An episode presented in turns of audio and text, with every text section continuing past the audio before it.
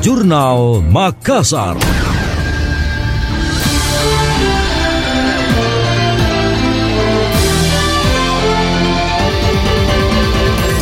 Monitoring perkembangan dinamika atmosfer kini menunjukkan indikasi adanya potensi peningkatan curah hujan di wilayah Sulawesi Selatan. Analisis model cuaca menunjukkan kelembapan udara lapisan atas hingga ketinggian 500 MB dan kondisi basah 70 hingga 100 persen. Pelaksana harian Kepala BMKG Wilayah 4 Makassar, Kamal mengatakan diperkirakan terjadi perlambatan arus angin di Selat Makassar bagian selatan. Itu menyebabkan penumpukan massa udara yang mendukung pertumbuhan awan hujan dan bergerak ke wilayah Sulawesi Selatan. Terdapat kemungkinan potensi banjir rob di pesisir barat Sulawesi Selatan karena bertepatan dengan fase pasang maksimum. Kamal menyebut hujan dengan intensitas sedang hingga lebat berpotensi terjadi di wilayah Sulawesi Selatan bagian barat, meliputi Pinrang, Parepare, Baru, Pangkep, Maros, Makassar, dan Takalar. Kondisi serupa juga diperkirakan terjadi di wilayah Sulawesi Selatan bagian tengah meliputi Sopeng dan Goa. Bagian selatan meliputi Jeneponto dan Kepulauan Selayar, serta potensi angin kencang di pesisir barat dan selatan Sulawesi Selatan. Pihaknya juga mengimbau masyarakat mewaspadai gelombang tinggi di perairan sekitar Sulawesi Selatan. Gelombang dengan kategori sedang 1,25 hingga 2,5 meter terjadi di perairan Spermonde Pangkep, Makassar, Teluk Bone bagian utara, Laut Flores bagian utara, dan Laut Flores bagian timur.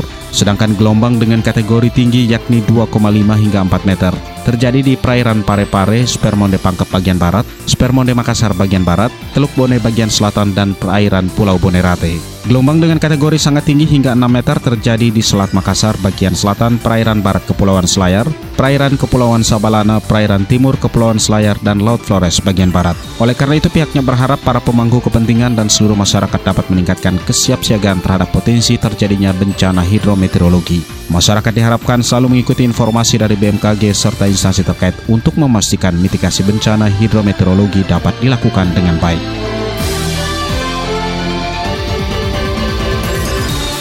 Pembangunan fisik Makassar Newport MNP hingga 20 Desember 2022 sudah mencapai 93 persen.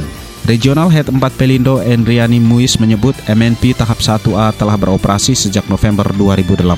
Saat ini masuk dalam pembangunan tahap 1B dan 1C yaitu konstruksi.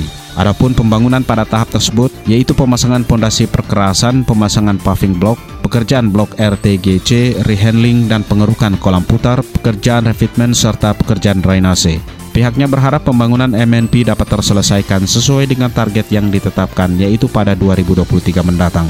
Di sisi lain Terminal Head Peti Kemas New Makassar, Muhammad Syukur menuturkan realisasi arus peti kemas, khususnya tujuan dalam negeri di tahun ini ditaksaksikan mengalami peningkatan sebesar kurang lebih hampir 2% dalam satuan Teus. Dia menyebutkan arus barang yang keluar dan masuk tujuan dalam negeri sedikit mengalami peningkatan, yakni dari 650 Teus pada 2021 lalu dan hingga akhir tahun ini diprediksi sebanyak 667 ribu Teus. Sedangkan arus barang keluar masuk tujuan luar negeri dari TPK New Makassar mencapai 35.000 teus pada tahun lalu. Diprediksi tahun ini mengalami penurunan menjadi 32.640 teus atau berkurang sebesar 8,91 persen.